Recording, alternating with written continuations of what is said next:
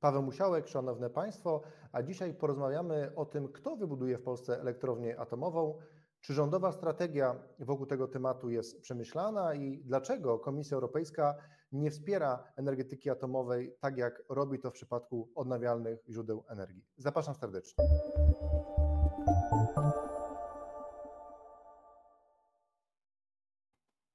A moim Państwa gościem jest Jakub Wiech, Energetyka 24. Cześć Kuba. Cześć. Kuba, to zacznijmy od prostego pytania. E, powiedz mi tak, idziesz do Bookmachera i tam widzisz zakład na to, czy w 2033 roku będzie wybudowana i działająca już pierwsza elektrownia atomowa i powiedz mi, czy ty poświęciłbyś jakieś swoje prywatne pieniądze na to, że właśnie w tym roku ta pierwsza elektrownia zgodnie z polskim programem e, elektrowni jądrowej zostanie uruchomiona? Pewnie trochę bym zainwestował, ale to dlatego, że stopa zwrotu byłaby ogromna, bo myślę, że bookmacherzy oceniają takie prawdopodobieństwo raczej nisko, z tego względu, że do 2033 roku, czyli do momentu uruchomienia mm, pierwszej polskiej e, jednostki jądrowej, przewidzianego przez e,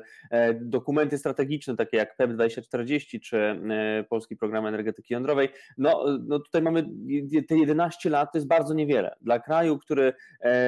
jest greenfieldem technologicznym, jeżeli chodzi o atom, jeżeli chodzi o mm, mm, funkcjonowanie elektrowni jądrowych, no to taki czas to jest moim zdaniem trochę za mało. Więc e, myślę, że sensowne będzie przesunięcie tego takiego deadline'u dla polskiego atomu na mniej więcej połowę lat 30., na rok 2035. Te dwa lata jednak czasami potrafią zrobić różnicę, e, ale oczywiście e, dokładne szacunki będą możliwe dopiero wtedy, kiedy już podpiszemy kontrakt, kiedy zaczniemy już obserwować pewne ruchy ze strony wykonawcy, takie jak kontraktowanie e, dostaw komponentów, obudowy reaktora, wytwornicy pary, wsadu paliwowego i tak już naprawdę precyzyjne ustalenia ustalenia będą możliwe, kiedy zostanie wbita pierwsza łopata pod budowę takiej jednostki, czyli mniej więcej w roku 2026, jak planujemy, e, i kiedy ruszy już fizyczna budowa, to wtedy będzie można e, coraz bardziej precyzyjnie określać, kiedy zostanie uruchomiony taki blok jądrowy. Najdokładniejsze szacunki, no to już wtedy, kiedy będziemy mogli załadować paliwo, to wtedy już zostaje tylko rozruch, najpierw kontrolny, potem już mm, komercyjny, ale do tego czasu jeszcze bardzo daleka droga. Daleka droga usiana różnymi przeciwnościami, które mogą się pojawić, gdzieś tam w, e, właśnie w międzyczasie tak zwanym. E, I ja jestem trochę sceptyczny, czy nasze państwo jest e, na tyle silne i na tyle sprawne, żeby przejść przez tę drogę bez żadnych opóźnień. Jasne, Kuba, pewnie o tych etapach jeszcze w dalszej części naszego programu, natomiast ja bym chciał się zapytać o bardzo bieżący kontekst, mianowicie Rada Ministrów uchwaliła uchwałę która mówi o tym, kto będzie partnerem technologicznym pierwszej polskiej elektrowni atomowej. Jest nim amerykański Westinghouse, a tak naprawdę to chyba nie do końca nawet amerykański, bo jest on kontrolowany chyba przez e, kanadyjską firmę, no ale utarło się mówić, że jest to firma amerykańska. Ta ma główną siedzibę. Amerykanie byli też zaangażowani na poziomie politycznym w lobbowanie tej opcji. No i bardzo proste pytanie, Kuba, do Ciebie. Czy ten wybór, Twoim zdaniem, który dokonał polski rząd, jest wyborem najlepszym? Jak wiemy, w tym wyścigu rywalizowali mm, Amerykanie e, z Francuzami, e, z firmy EDF i z Koreańczykami, z firmy KHNP. Czy Twoim zdaniem ten wybór jest najlepszy?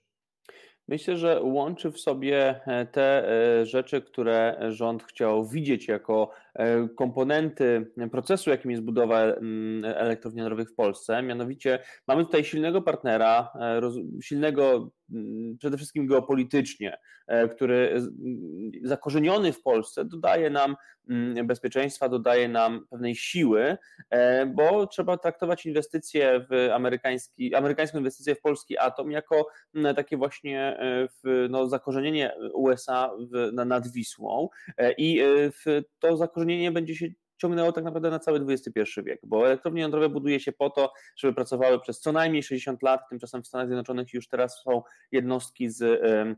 pozwolenie na pracę po 80 lat, więc no łatwo policzyć, że zostaje nam tutaj tak naprawdę płaszczyzna całego XXI wieku na współpracę z, z, w kwestii energetyki jądrowej. Mm, e, natomiast mm, owszem, Amerykanie mają pewne problemy, jeżeli chodzi o e, już e, takie mocno swoje wykonawcze, wytwórcze. Mieli przerwę w budowie reaktorów jądrowych, mieli nieudane projekty na swojej ziemi dotyczące właśnie budowy elektrowni jądrowych i to jest coś, co może niejako Mm, tłumić ten zapał czy, czy euforię po wskazaniu mm, wykonawcy pierwszej polskiej elektrowni jądrowej. E, I warto zauważyć, że e, ta pierwsza jednostka, czyli właśnie ta, która ma powstać w lokalizacji Lubiatowo-Kopalino, to jest jednostka, która ma największe szanse powodzenia. Z tego względu, że e, tam już mamy oceny oddziaływania środowiskowego. Mamy już e, w zasadzie przygotowane e, teraz przez e, inne agendy państwowe decyzje dotyczące budowy takiej osnowy infrastrukturalnej, jak na przykład drogi dojazdowe dla, dla w tej, tejże właśnie lokalizacji. Mamy, co ważne, uchwały Rady Ministrów w kwestii współpracy z Ameryką przy budowie pierwszej elektrowni jądrowej. Tego nie ma przy żadnym innym e, na razie omawianym e, projekcie. No, tego nie ma umowa koreańska, która w ogóle jeszcze jest e, na razie tylko porozumieniem, w zasadzie okraszonym nieco udziałem polskiego rządu. Natomiast. Kuba, o kolei Kuba, jeszcze porozmawiamy. Natomiast ja bym chciał się zapytać o bardzo prostą rzecz, bo ci, którzy śledzą ten temat atomowy, od bardzo długiego czasu wskazywali Amerykanów jako faworytów. No to okazało się być e, prawdziwe. Polski rząd wybrał Westinghouse. Ale pytanie brzmi, czy Twoim zdaniem za tą decyzją stały przede wszystkim czynniki polityczne, to znaczy chęć pogłębienia sojuszu strategicznego ze Stanami Zjednoczonymi i tutaj kwestie dotyczące wszystkich takich, nazwijmy to merytorycznych kwestii, e, chociaż nie wiem, czy to jest dobre określenie w tym przypadku, ale kwestii technicznych, które mm, wpływają na ten proces inwestycyjny, taki jak finansowanie, taki jak e, wszelkiego rodzaju inne aspekty, które przy tego typu inwestycjach bierze się pod uwagę, one były traktowane przez wielu komentatorów jako zupełnie dla polskiego rząd, rządu drugorzędne, bo ten czynnik polityczny był tutaj kluczowy. I czy ty byś zgodził się, Kuba, z tym, że dla polskiego rządu e, to, że Stany Zjednoczone są tym partnerem, który e, w relacjach z Polską przejawia chęć współpracy, co widać e, dzisiaj wielu, na wielu różnych polach, no przede wszystkim dzisiaj w kontekście Ukrainy, ale, ale ta współpraca chociażby militarna od dłuższego czasu postępuje. Czy ty uważasz, że ten,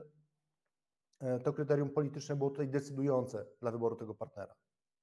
Myślę, że tak. Znaczy, ono na pewno odegrało bardzo dużą rolę e, i sądzę, że fakt, iż e, mamy tutaj do czynienia z naszym kluczowym sojusznikiem e, w strukturach NATO, z państwem, od którego kupujemy już broń, ale też energię, taką jak gaz skroplony, no tutaj to naprawdę odegrało moim zdaniem fundamentalne znaczenie, jeżeli chodzi o decyzję polskiego rządu. I też myślę, że jednak mm, no, trudno uciec od tego typu e, wątków, tego typu akcentów w takim e, projekcie jak energetyka jądrowa, w projekcie, który nas wiąże na długie, długie dekady. To nie da się mm, e, jakby przeciąć tych więzów geopolitycznych między państwem dostawcą technologii a państwem odbiorcą, co zresztą bardzo dobrze widać w przypadku największego sprzedawcy technologii jądrowych na świecie, czyli Rosji. Rosji, która stawia elektrownie jądrowe tam, gdzie akurat chce E, pewnego zacieśnienia kontaktów, czyli na przykład na Węgrzech, e, na Białorusi. No są e, europejskie inwestycje Rosatomu, które jednak no, nie bez powodu były tak celowane, jeżeli chodzi o swój e, powiedzmy kierunek właśnie, e, mm, właśnie e, geograficzny. No i warto też zauważyć, że na przykład Finowie po 24 lutego zdecydowali się zakończyć współpracę z Rosjanami przy budowie elektrowni Hanki-Kiwi i teraz trwa proces między, między spółką fińską a spółką rosyjską w, tej, w tejże sprawie, więc widać no. tutaj te właśnie geopolityczne aspekty. Jasne, tylko że mam wrażenie, że w Polsce nikt na poważnie nie rozważał oczywiście wyboru e, rosyjskiej firmy czy chińskiej e, do budowy elektrowni atomowej. Te trzy realne oferty na stole pochodziły, przypomnijmy, z jednej strony z USA, a z drugiej strony z Francji i z Korei Południowej, czyli te dwa kraje, które były realnie w wyścigu, one też są krajami, które, e, z którymi Polska ma dobre relacje, chociaż oczywiście w przypadku Francji wiemy, że, że te relacje czasami były nieco chłodniejsze, ale, ale one są relacjami w ramach europejskiej rodziny, to są to państwa poważne, które też dają rękojmie wiarygodności i mam wrażenie, że że wszystkie te czynniki, o których Ty mówisz, też można by było dopasować do Korei Południowej, do Francji, przynajmniej do pewnego stopnia. I zastanawiam się, czy za tym wyborem atomowym, który mm, dokonał rząd, stoi jakaś myśl, że my możemy osiągnąć jakieś dodatkowe korzyści bo przecież te pieniądze, które wydamy na ten projekt będą gigantyczne, w związku z tym mamy prawo, podobnie jak w przypadku offsetu, kiedyś E, pamiętam tą dyskusję na temat samolotów F-16, który kupować od Amerykanów, długa dyskusja na temat potencjalnych korzyści dla polskiej gospodarki. Tak tutaj też mam takie wrażenie, że w Polsce wiele osób oczekuje takich korzyści. I pytanie, czy w sytuacji, w której my kupujemy już bardzo dużo sprzętu militarnego ze Stanów Zjednoczonych, e, gdzie bardzo mocno stawiamy na Stany w wielu innych kwestiach, czy my nie jesteśmy już jakby wystarczająco proamerykańscy, proamerykańscy i wszystko, co możemy już od Amerykanów E, ekstra otrzymać, to już otrzymujemy. I pytanie, czy, czy mówiąc krótko, czy nie powinniśmy nieco dywersyfikować te partnerstwa strategiczne, bo to, co dzisiaj by nam się przydało, e, jeżeli mówimy o klimacie politycznym, to na pewno lepsza, lepsza pozycja w Unii Europejskiej. Tutaj ta rola Francji była wskazywana jako potencjalnie bardzo ciekawa, no bo Francuzi wiemy, że są nastawieni bardzo protekcjonistycznie do swojej gospodarki i naturalnie, jeżeli taki kontrakt byśmy zawarli z Francuzami, to moglibyśmy liczyć w Unii Europejskiej na poważne państwo, które by nas wspierało, prawdopodobnie nie tylko w tematyce atomowej. Czy ty taką, e, Kuba, logikę przyjmujesz, czy raczej byś mimo wszystko zrozumienie po co tego wyboru Amerykanów i uważasz, że być może w zakulisowych rozmowach jeszcze padły jakieś kolejne deklaracje Amerykanów o albo dodatkowych wojskach dla Polski, albo dodatkowym wsparciu politycznym, nie wiem, wsparciu z Brukselą, czy dodatkowym wsparciu Ukrainy. Tych wątków pewnie tutaj e, można mnożyć. E, no, tych dodatkowych e, ustaleń nie można wykluczyć oczywiście. Myślę, że część z nich całkiem słusznie pozostanie niejawna przez pewien czas. Natomiast e, warto zauważyć, że myśmy już odeszli od takiej wizji, powiedzmy, ujednolicenia naszego projektu jądrowego pod kątem współpracy wyłącznie z mm, partnerem amerykańskim, no bo mamy jednak na razie deklarację ubraną w szaty uchwały Rady Ministrów o tym, że Amerykanie zbudują nam tylko jedną elektrownię jądrową. To jest de facto odejście od modelu przewidzianego w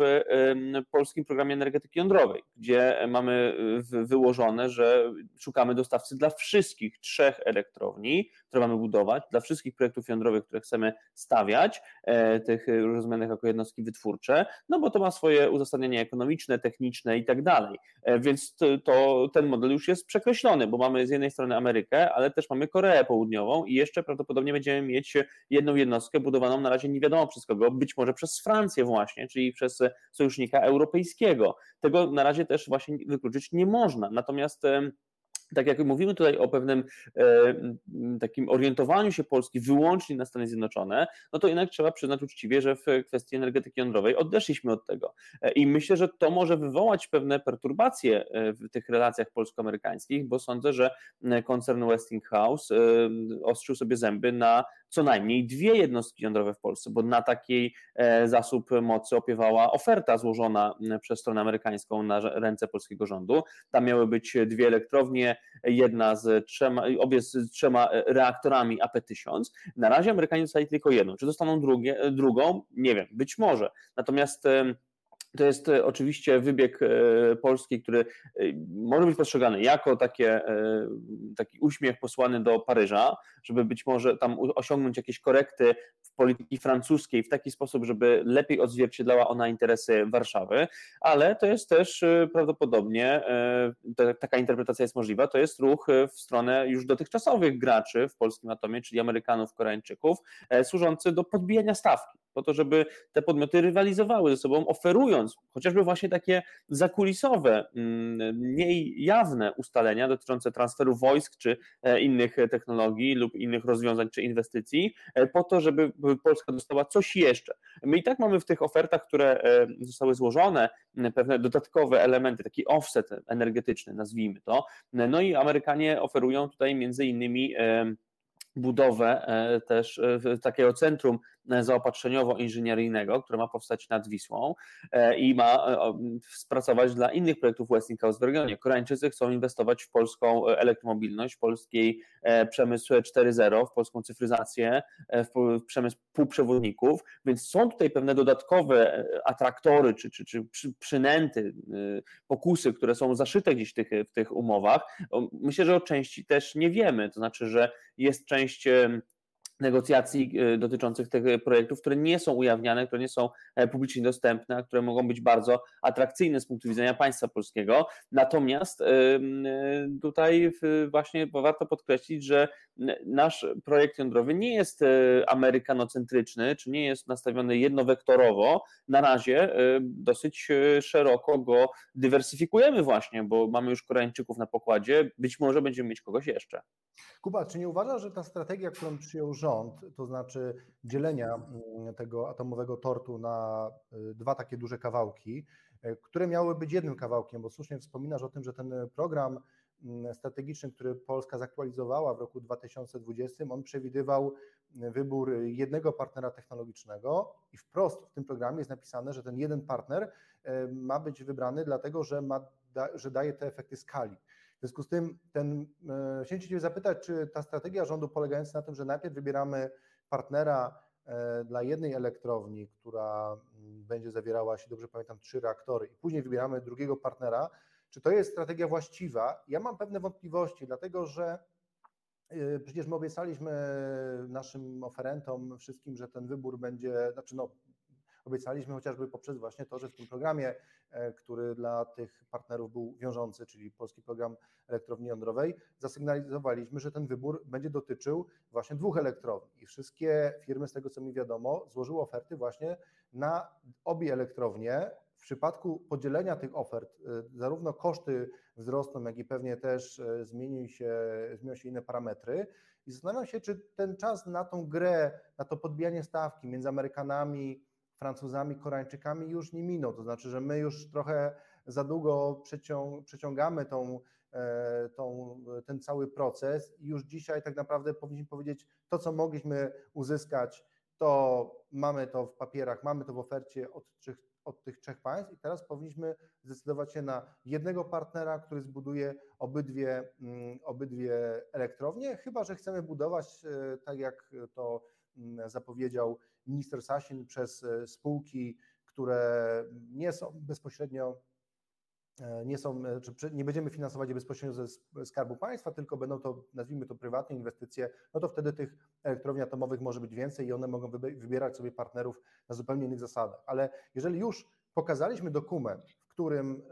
mówimy, jak ten proces będzie wyglądał, to zmiana tych reguł gry tak poważnym temacie wydaje mi się być dość kontrowersyjna i nawet rozumiejąc tą Twoją logikę, którą zaprezentowałeś, bo się zgadzam, że y, za takim myśleniem rządu, podzieleniem tego atomowego tortu stoi właśnie chęć podbicia jeszcze e, ofert ze strony partnerów. Ja jednak zastanawiam się, czy na tym etapie to już nie jest za późno i my y, dalej po prostu przegrywamy cenny czas, który w czasie wojny szczególnie jeszcze jest cenny. Tak, to znaczy my tutaj tracimy dużo czasu już w tym momencie, nawet podejmując decyzje, bo e, te wszystkie kroki powinny być realizowane już dawno temu. E, mamy system elektroenergetyczny, któremu zaczyna dramatycznie mocno i głęboko brakować mocy. E, I to jest gra, w której w tym momencie na szali leży konkurencyjność polskiej gospodarki, bo nikt nie zbuduje fabryki w państwie, które nie może zagwarantować dostatecznie dużo, dostatecznie taniej energii swoim przedsiębiorcom. Ale mm, jeżeli już mówimy tutaj o tym sposobie w ogóle, jak został zakomunikowany ten wybór co do E, partnera w Atomie. To, to wszystko było dziwne od samego początku, bo e, kluczową decyzję w tym zakresie, czyli wybór partnera e, technologicznego, zakomunikował premier Morawiecki poprzez social media. To było w piątek, przed, w ostatni piątek października na, w, Twitterze, na, na Facebooku premiera pojawiły się informacje o tym, że wybieramy partnera amerykańskiego. I to już jest dosyć ciekawe, to znaczy nie ma konferencji, nie ma wspólnych oświadczeń, nie ma podpisania żadnych dokumentów, jest tweet, jest post na Facebooku, e, który mówi o wyborze e, partnera amerykańskiego, potem do tego dołączają tweety e, wiceprezydent Kamali Harris czy sekretarz energii Jennifer Granholm, ale no, mamy tutaj do czynienia z czymś naprawdę, no, można powiedzieć mało poważnym, to znaczy nie podejmuje się w taki sposób, takim, nie komunikuje się tak kluczowych decyzji dla bezpieczeństwa energetycznego państwa. Potem z kolei mamy wizytę wicepremiera Sasina w Korei, która już nosi znamiona takiej, e, powiedzmy, delegacji rządowej. Jeszcze tam są dwie spółki: jedna spółka Skarbu Państwa, PGE, druga spółka prywatna, ZEPAK, e, i tam mamy podpisanie pewnych dokumentów z partnerem koreańskim. I to już można potraktować poważnie, tylko że tutaj na przeszkodzie z kolei stoi waga tych dokumentów. To tam mamy innymi list intencyjny, czyli coś no, niezwykle ramowego, takiego powiedzmy, powiedzmy niewiążącego, na taką skalę, na taką głębokość, jaką nam, o jaką nam chodzi, kiedy mówimy o projekcie jądrowym, kiedy mówimy o związaniu się na dekady z danym sojusznikiem, partnerem, czy przy tak skomplikowanej i rozległej inwestycji. Więc e, to rodzi pewne wątpliwości i pytania. E, pytania o to, czy to już się stało, czy to już naprawdę jest to, tak, ta, ta decyzja, czy to teraz ruszamy? I pytania o to, co dalej, e, kiedy będziemy mogli na przykład zobaczyć podpisywany kontrakt na wykonanie polskiej elektrowni jądrowej, kiedy będą e, decyzje e, mm, finansowe dla dostawcy technologii, po to, żeby on mógł z kolei kontraktować dostawy no, kluczowych komponentów do, do, do reaktora, czy do y, w ogóle elektrowni jako takiej, e, no bo lista produku y, zakładów produkujących tego typu sprzęt jest niewielka e, i y, trzeba się ustawić w kolejce. Więc e, tutaj obawiałem się właśnie, że mm, no ten ruch ze strony rządu, kiedy będziemy mieć decyzję, no, będzie wywoływał jednak więcej pytań niż odpowiedzi. Nie ma tutaj jasnych, e, klarownych wskazówek, jest dużo znaków zapytania e, i też e, rząd myślę, że sam stawia pewne takie właśnie pytajniki nad elementami projektu jądrowego, jak na przykład ta trzecia elektrownia, to się pojawiła w deklaracjach premiera, która jest nie wiadomo, czy realnie e, wiążącym tutaj projektem, mającym wynikać z naszego programu jądrowego, czy po prostu jakimś, jakąś przynętą, jakimś wabikiem na e, dodatkowych e, kontrahentów lub na już istniejących partnerów przy, przy atomie. Więc obawiam się, że jeżeli szybko nie zostanie tutaj to rozwiązane, ten, ten cały galimatias, który powstał, no to będziemy znowu tracić czas. Przy czym nasza energetyka już nie może sobie pozwolić na opóźnienia i my tego projektu jądrowego położyć nie możemy. Kuba, ja mam jeszcze pytanie odnośnie ważnej wątpliwości, która pojawiła się wraz y, z deklaracją premiera Morawieckiego o wyborze Westinghouse. Mianowicie y, eksperci energetyczni, y, doszukując się modelu finansowania, nie znaleźli żadnych konkretów. I czy Twoim zdaniem nie jest to, Kuba, niepokojące, że my wybieramy mm, partnera, który na dzień dzisiejszy albo nie przedstawił, albo przynajmniej opinia publiczna tego nie wie, ale z tego co widziałem na konferencji prasowej, to premier Morawiecki powiedział o tym, że te rozmowy wciąż trwają, a więc nie są zakończone, dotyczące tego, jaki będzie udział kapitałowy tego partnera w tym projekcie. Jest to o tyle, podkreślmy dla osób, które nie, nie znają się na specyfice tych projektów atomowych, jest to o tyle ważna kwestia, że duża część tej inwestycji to są koszty kapitału. Tak? W przypadku mieszkania, które wymaga kredytu prawdopodobnie znacząco większego niż koszt samego mieszkania, bo koszt spłaty kredytu nieraz jest większy od, samego, od samej ceny mieszkania. Tak w przypadku e, programów atomowych jest to, e, jest to bardzo podobny mechanizm. W związku z tym ten model finansowania w bardzo istotny sposób wpływa na konkurencyjność ofert. Ja przyznam się szczerze, że jestem trochę zaniepokojony i pytanie, czy podzielasz to, ten niepokój, że rząd wybierając tego partnera nie wybrał jednocześnie modelu finansowego, nie przedstawił go opinii publicznej i, i też e, uniemożliwił tym samym dokonania takiej kompleksowej oferty amerykańskiej, bo przecież e, ocena amerykańskiego wyboru bez tego komponentu jest po prostu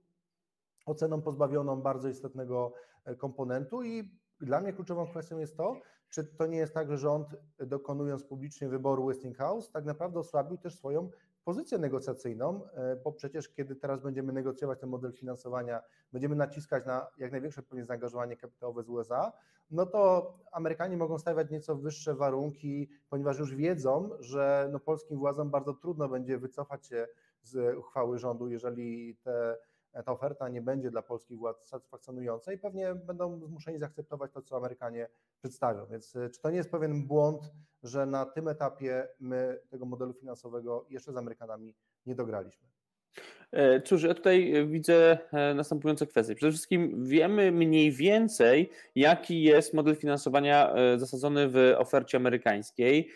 Mamy tutaj mm, w zasadzie dwa podstawowe źródła. Z jednej strony mamy agendy w rządu Stanów Zjednoczonych, czyli mamy Exim Bank i Development Financial Corporation jako źródła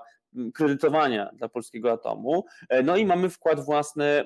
spółki Westinghouse, który też ma być obecny, jeżeli chodzi o inwestycje w polski atom. Więc no, na tych informacjach można się opierać, tworząc pewien zręb tego modelu i czy, czy, czy mechanizmu, jaki będzie finansował budowę elektrowni jądrowej w, w naszym kraju. Natomiast mam tutaj zastrzeżenia co do tego, czy faktycznie e, to zostało przemyślane pod kątem e, bycia kompatybilnym z e, unijną polityką dotyczącą konkurencyjności, pomocy publicznej i tak. Czy to prawnie zostało dopięte w dostatecznie dobry sposób, żeby nie wchodzić na spór z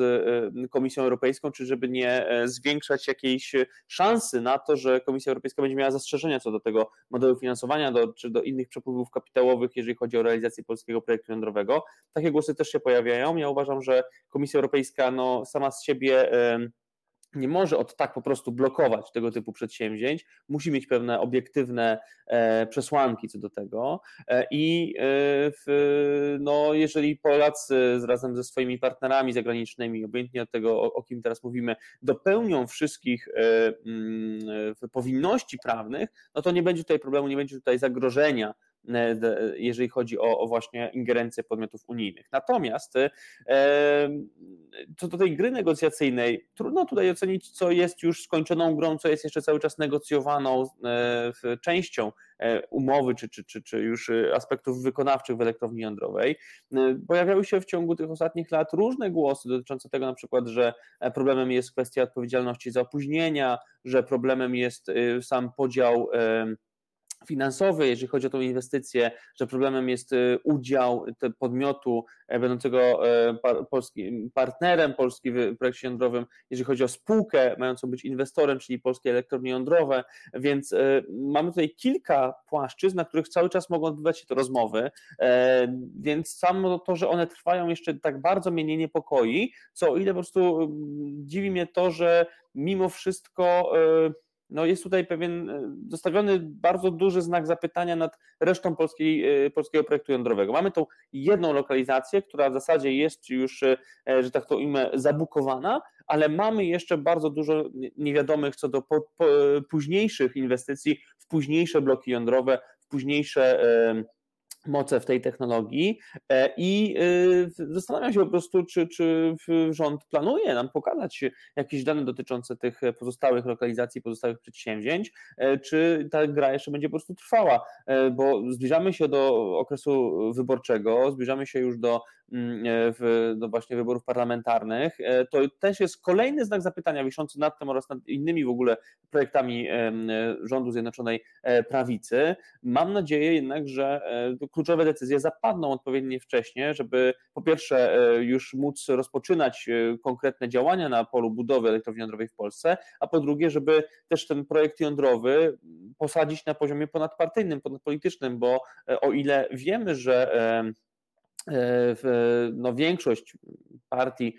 w parlamencie to są partie proatomowe, albo przynajmniej neutralnie życzliwe wobec atomu, no to jednak e, dobrze by było, żeby opozycja jakkolwiek była dopuszczona do tych negocjacji, czy ewentualnie e, właśnie w jakiś sposób była zaznajomiona z ich szczegółami, z ich ustaleniami, tak żeby potem można było ten projekt jądrowy przekazać jak pałeczkę w sztafecie, a nie żeby nagle okazało się po wyborach, że nowy rząd, chociaż jest proatomowy, nie akceptuje rozstrzygnięć, które zapadły podczas e, obecnej kadencji parlamentu i nie będzie chciał kontynuować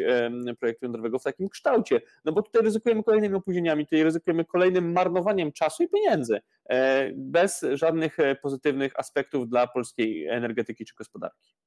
No Kuba, dopytać e, chciałem Cię o ten mm, pomysł, który pojawił się niedawno w polskiej przestrzeni publicznej i dość ostro zrewolucjonizował tę debatę atomową, czyli o tak zwany projekt koreański. Wiemy, że mm, PGE, ZEPAK czyli jedna z największych prywatnych e, polskich firm energetycznych, e, która wychodzi z węgla i chce wejść w atom, e, a także koreańska firma KHNP, podpisały list intencyjny, tak jak sam wspomniałeś, nie jest to jeszcze kontrakt, więc jest to umowa, która mm, jest, można powiedzieć, taką umową wstępną, chociaż już z tego, co mówił minister Sasin, mm, ta umowa zawiera konkretne oczekiwania od obu stron na temat przygotowania dalszych kroków, więc nie jest to tylko czysta deklaracja woli, ale też jest, są tam zapisane pewne kroki do przodu. Jak ty, Kuba, oceniasz tą propozycję, która się niedawno pojawiła? Pytam przede wszystkim o taki kontekst. Czy to jest tak, że Twoim zdaniem y, dzisiaj jest czas na to, żeby poza polskim programem elektrowni jądrowej zrobić y, osobną inwestycję, która w ramach tego programu nie wchodzi? Podkreślmy to, że polski program elektrowni jądrowej, czyli budowany przez e, państwową spółkę, e, on nie ma nic wspólnego z tym pomysłem koreańskim, to jest zupełnie inna inwestycja. Czy Tobie ten pomysł się podoba? Czy Ty uważasz, że taki pomysł powinniśmy realizować w czasie jeszcze negocjacji nad polskim programem elektrowni jądrowej? Z jednej strony ja widzę argument na tak, z drugiej na nie. Na tak widzę argument taki, że e, o tym już wspominałeś wcześniej, te rozmowy z Koreańczykami powodują, że my tworzymy presję na Amerykanów, na Francuzów, aby swoje oferty zaktualizowali i pokazać im, zobaczcie, my naprawdę z tymi Koreańczykami rozmawiamy na poważnie, w związku z tym e, postarajcie się o jeszcze lepsze warunki, aby, abyście wy mogli realizować ten polski program elektrowni jądrowej, e, ale argument na nie brzmi tak, że no, tworzy się teraz jakieś duże zamieszanie, no bo jeden program jeszcze nie jest rozstrzygnięty, zmieniamy zasady w trakcie gry, bo dzielimy e, te dwie elektrownie na dwie osobne, można powiedzieć, postępowania. I jeszcze pojawia się trzeci projekt z boku, i to dla postronnych e, komentatorów wydaje się być już coraz mniej przemyślaną strategią, a w coraz większym stopniu jakąś taką improwizacją, która jest niebezpieczna. Jak, e, do której tezy Kuba Ci jest bliżej? Cóż, przede wszystkim warto zauważyć, że nie ma się co przesadnie przywiązywać do polskich dokumentów strategicznych dotyczących energetyki, bo one rzadko kiedy naprawdę przystają do rzeczywistości. Można powiedzieć, że w zasadzie gdyby patrzeć po, poważnie na te dokumenty, no to już dawno powinniśmy mieć elektrownię jądrową, bo jeszcze do niedawna, mniej więcej dwa lata temu obowiązywała polityka energetyczna Polski do 2030 roku, która wskazywała, że Pierwszy taki e, obiekt, pierwsza elektrownia jądrowa w Polsce będzie uruchomiona w roku 2020. Tak się oczywiście nie stawało, e, nie, nie działo się tak, natomiast e, to jest miara tego, jak bardzo odległe od stanu faktycznego są polskie dokumenty strategiczne dotyczące energetyki. To jest czasami naprawdę gigantyczna odległość i mm, stąd też wniosek, że trzeba podchodzić z dużą rezerwą, na przykład do tego, co zapisaliśmy sobie w polskim programie energetyki jądrowej, który i tak był już nowelizowany, to znaczy tam się zmieniały terminy dotyczące wyboru konkretnych opcji, czy, czy podejmowania właśnie decyzji w różnych zakresach, na przykład lokalizacji, więc to jest coś, co, co można tak nawiązując do Barei po prostu określić just a bit of paper. E, to, to, to jest tylko kawałek papieru, nie ma to specjalnej wagi w realiach państwa polskiego.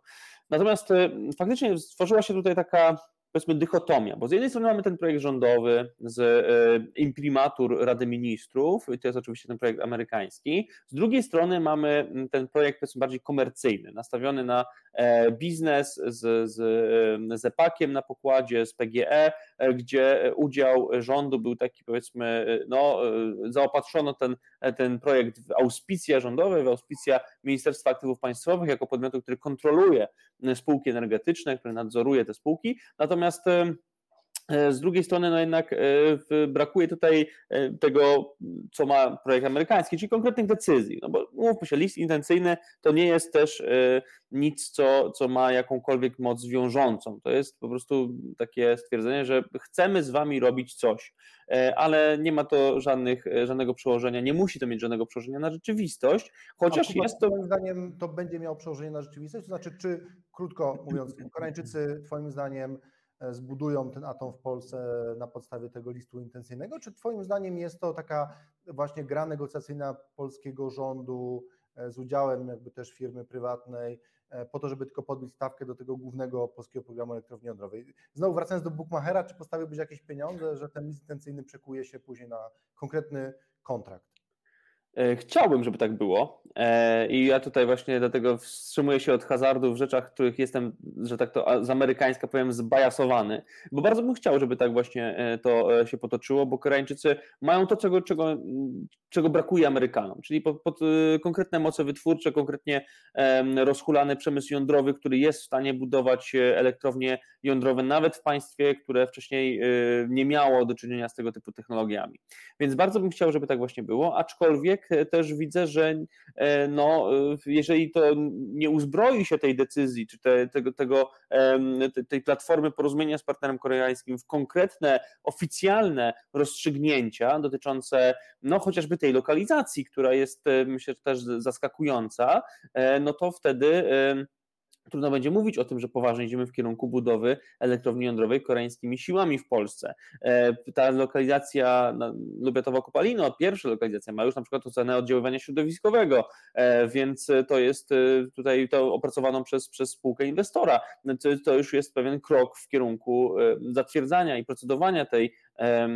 lokalizacji jako oficjalnej. To oczywiście decyzja należy do Generalnej Dyrekcji Ochrony Środowiska, ale jesteśmy tutaj na odpowiednim kursie. Tutaj w przypadku e, lokalizacji w Wielkopolsce na razie e, mamy e, tylko takie subtelne wskazanie jej jako potencjalnej w dokumentach programowych, o których już mówiliśmy, że mogą mieć wartość, ale wcale nie muszą. Także tutaj warto zauważyć, że, że faktycznie ta dychotomia się wkradła, ale ona już wcześniej była obecna, może nie na poziomie dużego atomu, co jednak na poziomie w ogóle projektu jądrowego, dzielonego przez pewien czas już na duży atom i SMR-y. SMR-y też były wybiegiem przemysłu po to, żeby mm, usprawnić sobie e, e, proces transformacji energetycznej w kierunku e, mm, neutralności klimatycznej. Niemniej w, no, w, ten, w ten w przemysł w ten sektor SMR był zaangażowany e, w właśnie przemysł, przemysł, e, przemysł emisyjny, energochłonny e, i to sprawiało, że w, no, mogliśmy tutaj mówić właśnie o takich dwóch równolegle realizowanych projektach jądrowych. Teraz też. No, jeszcze, jeszcze hmm? o SMR dopytam w dalszej części programu, bo to jest jeszcze osobna ciekawa historia. Nomen, nomen Zepak e, przecież był e, bardzo zainteresowany e, tą inwestycją i po wyborze dużego atomu nagle chyba ta chęć realizacji tych projektów SMR-owych czy tych małych reaktorów atomowych spadła. Ale chciałbym się dopytać o ten timing. Czy ty zgadzasz się z tezą, że do czasu, kiedy my nie sfinalizowaliśmy polskiego programu elektrowni jądrowej, i nieważne co jest na papierze, bo ja się zgadzam, że te papiery w Polsce, szczególnie w sektorze energetycznym, one nie miały zazwyczaj dużej wartości, ale czy dla jakby klarowności całego procesu e, i klarowności tego, że my ten proces komplikowaliśmy sobie tym podziałem na pierwszy i drugi etap, e, czy my nie powinniśmy poczekać z tym rozstrzygnięciem do czasu kolejnych, e, nie powinniśmy poczekać z Koreańczykami do czasu rozstrzygnięcia tej pierwszej kwestii, czy, czy tu uważasz, że nie, że nie ma co czekać i jeżeli jest teraz dobra chemia, dobry klimat, są teraz warunki do tego, żeby zacieśniać te relacje z Koreańczykami, to warto równolegle te procesy negocjacyjne prowadzić i, i, masz takie poczucie, że rząd to wszystko kontroluje. Oczywiście warto by tutaj e, jeszcze uzupełnić ten kontekst tego pytania o, o rywalizację polityczną premiera Sasina i premiera Morawieckiego. Nie od dzisiaj wiadomo, że e, panowie nie zawsze owocnie współpracowali, tak to dyplomatycznie ujmę. I w związku z tym też pojawiają się pewne głosy, że ta rywalizacja polityczna przekłada się na różne preferencje partnerów atomowych i, i w związku z tym pogłębia takie poczucie, że to nie jest proces w pełni skoordynowany. Cóż, tutaj zacznę od końca. No, nie da się ukryć, że e, fakt, iż jedną decyzję ogłaszał e, premier Morawiecki, drugą wicepremier Sasin, no, prowadzi nas niejako na mm, wniosek, że e, między właśnie tymi dwoma politykami jest pewna rywalizacja, widoczna również na płaszczyźnie projektu jądrowego. Pytanie, na jak głębokim etapie to, to przebiega, jak głęboko został projekt jądrowy wciągnięty w tę e, rywalizację. Ważne jednak, żeby, żeby zauważyć, iż e, no tutaj niekoniecznie to się musi wykluczać, znaczy te, te, te decyzje niekoniecznie muszą być tak zupełnie nieskoordynowane i tutaj odwołując się do e, tego, czy państwo kontroluje jeszcze ten cały przebieg inwestycji w Atom, no oczywiście, że tak, to znaczy tutaj w tym momencie do państwa polskiego należy ten głos decydujący, tylko Trochę się obawiam, bo e, tego typu rozgrywki między poszczególnymi oferentami, między poszczególnymi opcjami moim zdaniem powinny jednak zostać za kulisami. To znaczy tę całą grę, którą teraz obserwujemy, powinniśmy poznać dopiero po ogłoszeniu już kompletnych decyzji co do wszystkich elektrowni jądrowych, jakie mają być budowane w Polsce. Stało się tak inaczej i tak dostajemy po kawałku te informacje w sprawie atomu. To jest dosyć szczątkowo podawane, biorąc pod uwagę zakres prac, jakie mają być realizowane. I w tym tkwi moja też obawa, bo e, no to jest e, coś, co, co trochę zakrawa na brak powagi, e, nawet jeżeli weźmiemy pod uwagę, że jest to element gry negocjacyjnej. Myślę, że to można było przeprowadzić trochę inaczej, trochę subtelniej. No i pytanie, czy tutaj trochę właśnie nie weszła w grę polityka i spory w oborze władzy, które kazały e, przyspieszyć pewne procesy e, komunikacyjne, może nie decyzyjne, ale komunikacyjne i ogłaszanie forum publicznemu tych wszystkich rzeczy związanych z polskim projektem jądrowym, jak wybór właśnie partnera amerykańskiego, koreańskiego. To jest otwarta kwestia, to jest otwarte pytanie, niemniej E, sądzę, że e, no, e, mamy tutaj do czynienia jeszcze teraz z bardzo ważnym momentem, jeżeli spojrzymy na historię polskiego projektu jądrowego, bo teoretycznie w, w tym momencie waży się tak naprawdę jego oficjalny kształt, ostateczny kształt. Mamy powiedziane o, o, te, o tej trzeciej lokalizacji, jej e, jeszcze nie przypisano żadnemu e, wykonawcy i myślę, że kiedy e, dowiemy się, co się stanie z tą trzecią elektrownią jądrową, wtedy będziemy mogli też znacznie więcej powiedzieć o tym, co wydarzyło się dotychczas, jak wyglądał ten kształt gry negocjacyjnej, jeżeli chodzi o realizację polskiego atomu, bo to nam rzuci światło na te decyzje i na sposób ich komunikowania, e, czemu to miało służyć, kogo to miało zachęcić albo kogo to miało zniechęcić e, i myślę, że wtedy ta, skompletowanie tej wiedzy będzie e, nam umożliwiało ocenę, realną ocenę tych obecnie zapadających decyzji.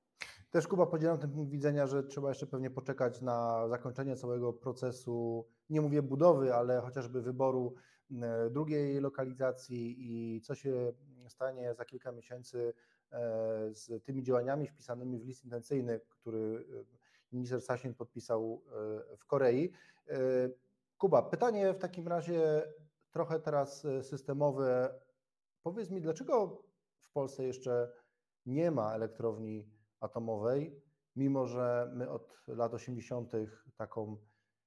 budowę planowaliśmy i kilka programów e, rządowych przewidywało tego typu inwestycje. Przewidywały je bardzo różne rządy o bardzo różnych politycznych barwach. Zawsze kończyło się to tylko rozmowami, nigdy nie wiążącymi decyzjami.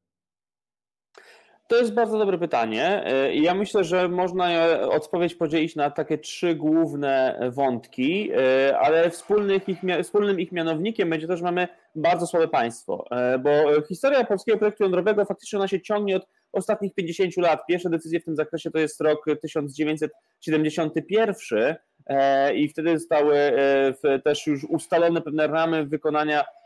pierwszej polskiej elektrowni jądrowej w Żarnowcu, ona miała wtedy stanąć właśnie e, w tej lokalizacji. E, kres temu położył no, z jednej strony Czarnobyl i skutki społeczne związane z katastrofą w tej elektrowni oraz tym, jak władza sowiecka podeszła do komunikowania zagrożeń z nią związanych, ale jednak kluczową rolę odegrali moim zdaniem górniczy związkowcy, którzy przy okrągłym stole e, i po nim e, no, wymogli niejako na Solidarności, na, na, na politykach związanych z tym obozem solidarnościowym, odejście od planów budowy elektrowni jądrowej, bo to nie jest tak, że Czarnobyl wyhamował budowę polskiego atomu, on ją no, spowolnił, potem do tego doszła transformacja, jednak kluczowe decyzje zapadły już po uzyskaniu władzy przez e, nowe demokratyczne rządy e, i wtedy została ta, e, ta inwestycja skasowana na mocy właśnie chyba decyzji politycznej o pójściu w węgiel, o zostaniu przy węglu, no bo węgiel to związki, a związki były wtedy szalenie silne i szalenie liczne, więc de facto sprawowały też pewną część władzy w kraju. Potem kolejny Kolejne podejście do elektrowni jądrowej w naszym, w naszym państwie to zaliczył rząd Donalda Tuska. I wtedy moim zdaniem to była gra nastawiona na łudzenie Komisji Europejskiej, że my dokonujemy jakiejś transformacji energetycznej, podczas rzeczywistości jakby konserwowaliśmy udział węgla w miksie. Myśmy mówili o budowie tego atomu, ale nie budowaliśmy go, nie zbliżaliśmy się istotnie do e, podjęcia działań w tym zakresie. Na to się jeszcze nałożyła katastrofa w elektrowni w Fukushimie, co w ogóle sparaliżowało na pewien czas przemysł jądrowy e, i e, też no, wywołało taką bardzo negatywną atmosferę polityczną wokół projektów jądrowych w Europie, zwłaszcza w Europie, bo to wtedy decyzją kanclerz Angeli Merkel przyspieszono plany niemieckiego odejścia z energetyki jądrowej i wtedy też no, partie zielonych, e, organizacje e, pozarządowe w Europie były bardzo silnie wzięły na agendę wychodzenie z atomu. Natomiast to trzecie podejście, e, które jest bardzo rozwleczone jak na razie, moim zdaniem też właśnie przejawia się tym, że mamy słabe państwo, mamy państwo kadencyjne, które operuje na krótkiej perspektywie, na czteroletniej wizji prowadzenia albo ewentualnie ośmioletniej, ale nie 15-20-letniej, tak jak wartałoby w przypadku e, projektów jądrowych, więc te wszystkie historie splatają się w takim jeden wspólnym e, mianowniku, mianowicie słabość państwa, brak e, konsekwencji, brak dojrzałych elit politycznych, brak przekazywania pewnych projektów z rządowego pokolenia na pokolenie sprawia, że my cały czas sobie nie radzimy z takimi rozwiniętymi, kompleksowymi, długofalowymi przedsięwzięciami jak energetyka jądrowa. Kuba, z tego co mówisz, wyłania się obraz y, Polski niezbyt y, korzystny. Ja podzielam oczywiście y, znaczną część Twojej diagnozy, bo trudno w świetle tych faktów, które przywołałeś, tego pesymizmu nie podzielać. Natomiast pytanie brzmi, czy Ty jesteś w takim razie przekonany, że myśmy przełamali większą część tych barier, które dotychczas, hamowały ten proces inwestycji w atom i czy my naprawdę mamy, czy naszym głównym dylematem jest tylko to, czy to opóźnienie e, wniesie rok, dwa, trzy e, w przypadku tej pierwszej elektrowni, czy może jest tak, że e, wciąż nie jest pewne, czy ta elektrownia w ogóle stanie. Pytam się, na ile ty jesteś przekonany, że my jesteśmy już faktycznie w takim punkcie, jak to się mówi, there is no point of return, czyli, czyli, czyli my już nie mamy czyli ten proces już zaszedł tak daleko, że już na pewno go będziemy realizować, bo można odnieść takie wrażenie, że duża część klasy politycznej też tego atomu się boi, boi się odpowiedzialności, ponieważ jest to gigantyczny proces, który w razie porażki no, może przynieść spektakularną, e, spektakularne negatywne konsekwencje dla całej gospodarki, bo mówimy o chyba największej w historii Polski inwestycji gospodarczej, przekraczającej 100 mm, miliardów złotych. I czy Twoim zdaniem E, czy ty wierzysz politykom obecnej partii rządzącej, że oni są realnie zdeterminowani do tego, żeby ten projekt budować? Podkreślmy też ostatnie 7 lat, które było, to też chyba nie jest czas, który był e, bardzo efektywnie wykorzystany. A może się mylę, może Kuba jest tak, że, że ten proces po prostu tak długo trwa i w tych ostatnich 7 latach zostało zrobione sporo, tylko opinia publiczna e, tego nie docenia. I jaki jest Twój punkt widzenia, Kuba, na tę sprawę? Znaczy ja generalnie nie wierzę politykom, a też widzę po po prostu e, działaniach poszczególnych ekip, że one może nie tyle się boją atomu, co patrzą na koszt alternatywny takiego przedsięwzięcia. No bo tak jak wspomniałeś, e, atom to jest ogromna inwestycja. To według szacunków e, Polskiego Instytutu Ekonomicznego to jest mniej więcej 180 miliardów złotych, które trzeba ulokować w tym jednym przedsięwzięciu. Więc każdy polityk, kiedy mm, stanie przed wyborem alokacji takich środków w jednym w zasadzie w jednej inwestycji, no zadaję sobie pytanie, co można innego zrobić za takie pieniądze i można zrobić bardzo dużo. Można zrobić e, szerokie transfery socjalne, można zrobić nowe programy wsparcia, można zrobić jakieś e, rozproszone, mniejsze inwestycje, które bardziej przekują się na poparcie, bardziej będą widoczne z perspektywy odbiorcy, który już za rok pójdzie do urny e, oddać głos e, na, na te, kandydata czy, czy, czy na, na, na partię, którą jakąś tam sympatyzuje, o której będzie miał przekonany, że robi coś dobrego albo że chce zrobić coś dobrego. Więc ten koszt alternatywny, moim zdaniem, i rozumiany jako coś, co można rozpatrzeć kadencyjnie jest tym głównym stoperem polskiego projektu jądrowego. I z tego mam wrażenie względu obu Zjednoczonej Prawicy przez 7 lat dotychczasowych swoich rządów nie był w stanie podjąć tej decyzji. Myśmy bardzo długo zwlekali i to już do y, takich w zasadzie karykaturalnych sytuacji dochodziło, bo na przykład mieliśmy e, deklarację ze strony ministra energii Krzysztofa Tchórzewskiego, e, który jeszcze piastując urząd mówił, że no na 90% decyzja o atomie zostanie podjęta za jego kadencji, przy czym nie ma już w rządzie ministra Tchórzewskiego, nie ma już ministra, Ministerstwa Energii. E, no, decyzja jest na razie częściowa, ale jest zapadnięta dopiero po e, naprawdę kilku latach e, od tych słów polityka. Więc to powoli no, brzmi tak trochę no, tragikomicznie, ale to jest moim zdaniem przejaw, przejaw tego samego. Mamy słabe państwo sterowane przez w dużej mierze nie doświadczone i mm, takie niedojrzałe elity polityczne, które e, są unurzane w e, takiej codziennej przepychance, bo widzą, że to wywołuje emocje, to e, też agreguje poparcie lub sprawia, że, że, że przeciwnicy je tracą. I... W takim razie zapytam w ten sposób. Widzowie czy słuchacze, którzy nas e, teraz oglądają, słuchają, zadają sobie pytanie, no skoro stawiasz tezę o tym, że polskie elity nie są dojrzałe, to czy w takim razie i, i z tego powodu przez ostatnie 7 lat, czy nawet e, głębiej, też mówiłeś przecież o rządzie e, Tuska, który planował przecież też budowę elektrowni atomowej, nic z tego nie wyszło. Czy skoro one są niedojrzałe, no to czy teraz mamy przyspieszony kurs dojrzałości, który każe patrzeć z optymizmem na ten proces, bo przecież jeżeli jest tak jak mówisz, to nic by E, znaczy nie ma żadnych nowych warunków, które by się pojawiły, które by uzasadniały optymizm, chyba że się mylę, chyba że właśnie jest coś, co ty uważasz, że się wydarzyło i co powoduje, że, ten, że jesteśmy skazani na to, żeby po prostu ten proces realnie popchnąć do przodu. Jeżeli tak, to co to Kuba jest? Ja uważam, że są takie okoliczności. Mam tutaj przede wszystkim wojnę e, toczącą się za naszą wschodnią granicą, która jest e, swego rodzaju katalizatorem pewnych procesów decyzyjnych dotyczących e, na przykład ograniczenia roli rosyjskich paliw kopalnych w naszej gospodarce, ale mamy też, co jest potężną siłą, która może nie jest tak bardzo widoczna, unijną politykę klimatyczną, bardzo rozpędzoną, bardzo dynamiczną, która już od teraz odbija się bardzo mocnym echem w polskiej gospodarce. I my naprawdę gramy teraz na konkurencyjność, na zachowanie konkurencyjności polskiej gospodarki przez najbliższe dekady. E, jeżeli nie przeprowadzimy odpowiednio sprawnie transformacji energetycznej, to my tę konkurencyjność stracimy. Będziemy mieć poważne problemy gospodarcze jako państwo. I myślę, że powoli nasze elity doszły do wniosku, że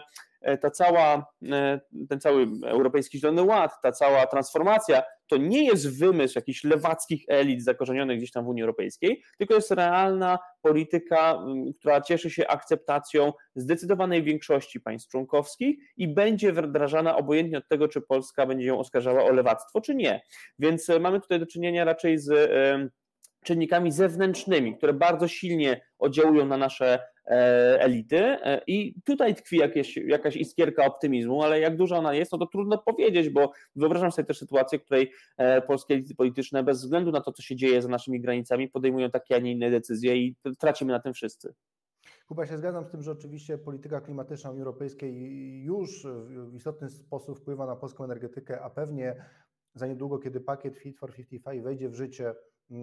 to oddziaływanie będzie jeszcze mocniejsze, jeszcze przyspieszy dekarbonizację. Ale właśnie w kontekście tej polityki unijnej chciałbym Cię zapytać o jedną rzecz, która dla wielu ludzi jest zupełnie niezrozumiała. Zapowiadałem to w moim pytaniu zapowiadającym program. Dlaczego jest tak, że Komisja Europejska, czy szerzej wszystkie instytucje unijne promują bezemisyjną energetykę e, i e, na wszelkie możliwe sposoby wspierają odnawialne źródła energii jako to źródło, które mm, jest przyszłością, Natomiast takiego samego gorliwego podejścia nie ma wobec atomu, e, który przecież nie tylko jest bezemisyjnym źródłem, ale też źródłem stabilnym, czyli ma przewagę nad, e, nad rozwiązaniami e, ozowymi, szczególnie jeśli chodzi o energetykę wiatrową, słoneczną, ponieważ te źródła są niesterowalne, trudno zarządzać nimi w czasie.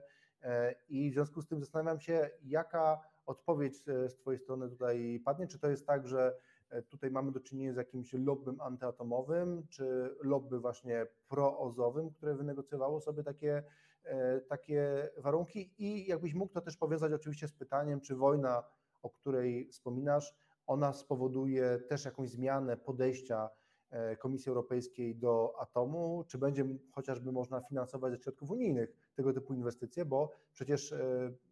to jest chyba główna blokada E, rozwoju projektów atomowych na świecie, to, że trzeba wyrzucić po prostu bardzo duże pieniądze e, w krótkim czasie i nie wszystkich na to po prostu stać. E, cóż, ja myślę, że tutaj na pewno mamy potężne lobby antyjądrowe w Unii Europejskiej i to widać po polityce takich państw jak Niemcy, jak Austria, jak Włochy. E, to są kraje, które są przeciwko energetyce jądrowej. Austria i Włochy w ogóle mają bodajże zakaz prawny budowy reaktorów jądrowych na swoim terytorium. E, a z kolei też energetyki jądrowej nie bardzo miał kto bronić, bo państwo, które teoretycznie powinno mieć największy w tym interes, państwo, które to cały, cały, cały czas posiada swój własny przemysł jądrowy, czyli Francja, stało jeszcze do niedawna na stanowisku, że będzie raczej zwijać swój przemysł jądrowy i swoją flotę jądrową niż ją rozwijać. Prezydent Emmanuel Macron jeszcze do niedawna chciał ograniczać udział atomu we francuskim miksie, stawiając na miks OZE i gaz, a teraz dopiero zmienił swoje postępowanie i idzie w zupełnie drugim, drugim odwrotnym kierunku. Natomiast e, przez te lata, e, zwłaszcza po Fukushimie, no atom mm, był nacenzurowanym, nie był broniony, a był bardzo szeroko atakowany, a jednocześnie rozwijał się dynamiczny sektor OZE, z którym szereg państw Europy wiązało duże nadzieje. E, bo budowano na potęgę sektory wiatrakowe w takich właśnie krajach jak, jak Niemcy, jak Wielka Brytania, e, też, też Francja zaczęła inwestować w tego typu technologie. E, także mamy tutaj do czynienia raczej z takim też może zbyt krótkowzrocznym biznesowym zyskiem, no bo OZE sprzedaje się szybciej, sprzedaje się na większą skalę, jeśli chodzi o, e, o moc zainstalowaną teraz niż Atom, e, więc po prostu można powiedzieć, że, że wzięto pod uwagę te takie krótkie korzyści biznesowe, niejako nawet odsadzając na bok bezpieczeństwo energetyczne. I teraz to widzimy w Europie, że straciliśmy na tym jako Europejczycy, bo okazuje się, że jesteśmy w wielu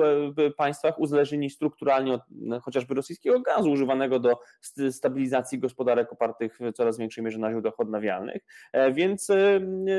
ja widzę tutaj oznaki zmiany tego kursu, znaczy taki mamy powrót do, do kursu proatomowego i to widać na przykład w Szwecji, to widać też do pewnego stopnia w Niemczech, to widać w Belgii, która również była antyjądrowa. E, Europa się powoli przeprasza za atomem. Tylko e, pytanie, czy za tym faktycznie pójdzie e, takie długotrwałe wkomponowanie tej technologii w politykę energetyczno-klimatyczną Unii Europejskiej, czy może to jest takie chwilowe, oparte na emocjach politycznych i geopolitycznych mm, ukłonienie się tej, te, te, tym, tym rozwiązaniom jądrowym. Mam jednak nadzieję, że uda się ochronić atom, tak jak się udało to zrobić w taksonomii i na trwałe wepchnąć energetykę jądrową na, na pokład e, tego okrętu Europejskiego Zielonego Ładu. Kuba, to jeszcze pytanie o krajowe podwórko. Pytanie, czy tylko mam mieć takie wrażenie, że ta polska bańka, e, komentar, tak zwany komentariat energetyczny w Polsce, e, on też wykazuje dużą, nie sceptycyzm, ale pewnego rodzaju rezerwę wobec atomu. Nie ma co prawda zbyt wiele osób w Polsce, które otwarcie krytykuje atom, ale ja mam jednocześnie wrażenie, że mamy bardzo dużą ilość ekspertów, która popiera wszelkiego rodzaju wsparcie OZE, zgodnie z tym kierunkiem, który wyznacza Komisja Europejska. I przyznam się szczerze, że jak patrzyłem na komentarze e, po, tym, po tej decyzji premiera Morawieckiego, e, która popycha jednak ten projekt atomowy do przodu, no bo jest to jednak ważna decyzja, uchwała rządu nie jest już tym dokumentem, tak jak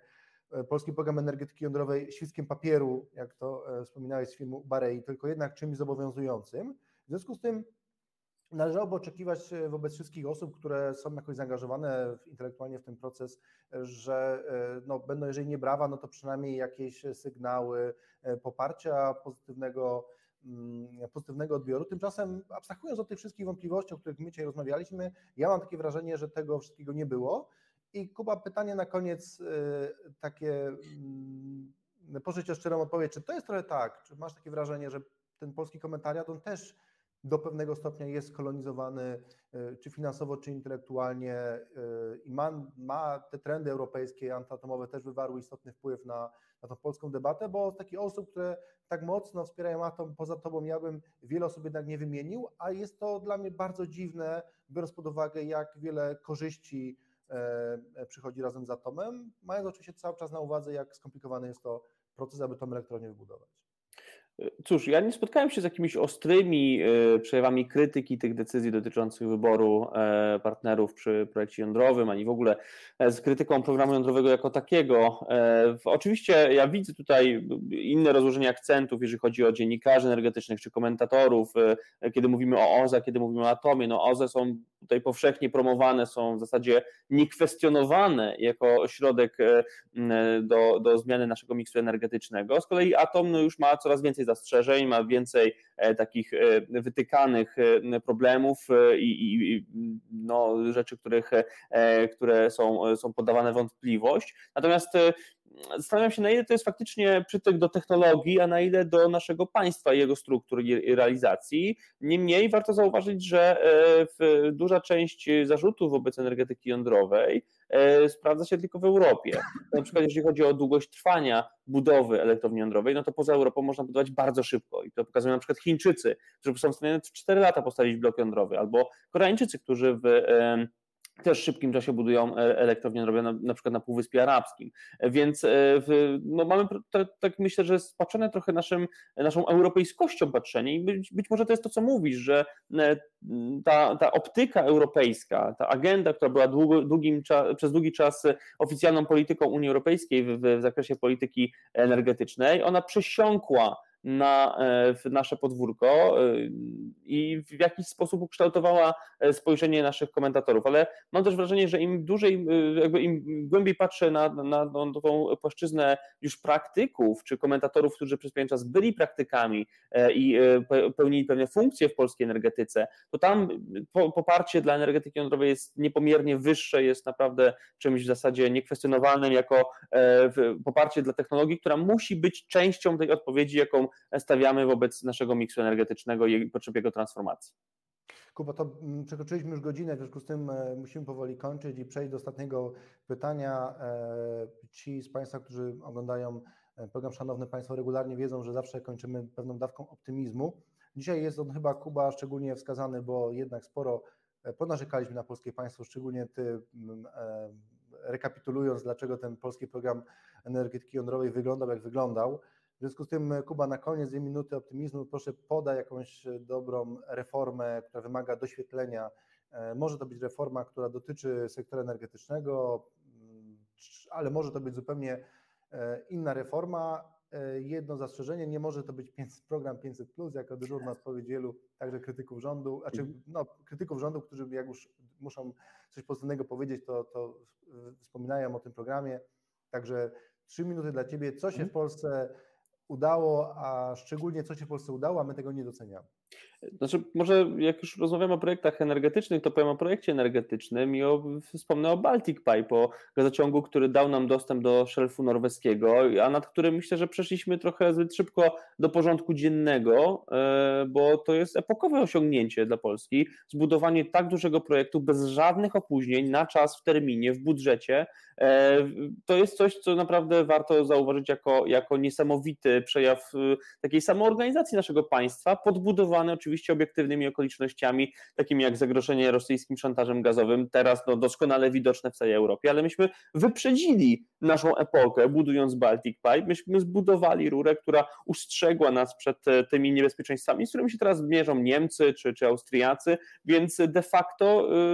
y, zrobiliśmy to, co państwo robić powinno. Zapewniliśmy bezpieczeństwo, wyprzedzając ruchy przeciwnika i y, wyprzedzając to w taki sposób, żeby y, nie powodować u nas żadnych strat, tylko same zyski. Więc to jest tutaj naprawdę, myślę, coś, co, co powinno być uznane za przejaw naszej siły państwowej i to e, mówię zupełnie bez, bez żadnej tej pompy czy, czy, czy jakiejś czołobitności. Po prostu nam się to udało i z tego trzeba się cieszyć. Ja, Kuba, w pełni popieram tę ocenę i warto dodać, że Baltic Pipe e, spowodował nie tylko, że uciekliśmy przed przeciwnikiem, jak słusznie wskazałeś, ale także on e, także spowodował, że po raz pierwszy to nie Polska musi europeizować jakieś rozwiązania w sektorze energetycznym, ale ja mam wrażenie, że to Europa polonizuje się teraz e, w tym sektorze gazowym, chociażby Niemcy na gwałt ściągające terminale LNG, to jest taki obrazek, który, e, którego możemy być dumni, bo, bo myśmy przecież o tym wielokrotnie mówili, że to jest potrzebne a Niemcy jednak przez wiele lat praktykowali zupełnie inną politykę. Kuba, bardzo Ci dziękuję za rozmowę. Myślę, że jeszcze będzie okazja nieraz pogadać nie tylko o atomie, ale innych wątkach energetycznych. Ta energetyka staje się w ostatnich miesiącach szczególnie niezwykle intensywna, także będzie pewnie jeszcze okazja nieraz porozmawiać, ale na dzisiaj dzięki Ci bardzo. Kłaniam się. I mam nadzieję, że jeszcze tutaj do nas zaglądniesz. Bardzo chętnie. Dzięki za, za dziś i, i pozdrawiam. Dzięki.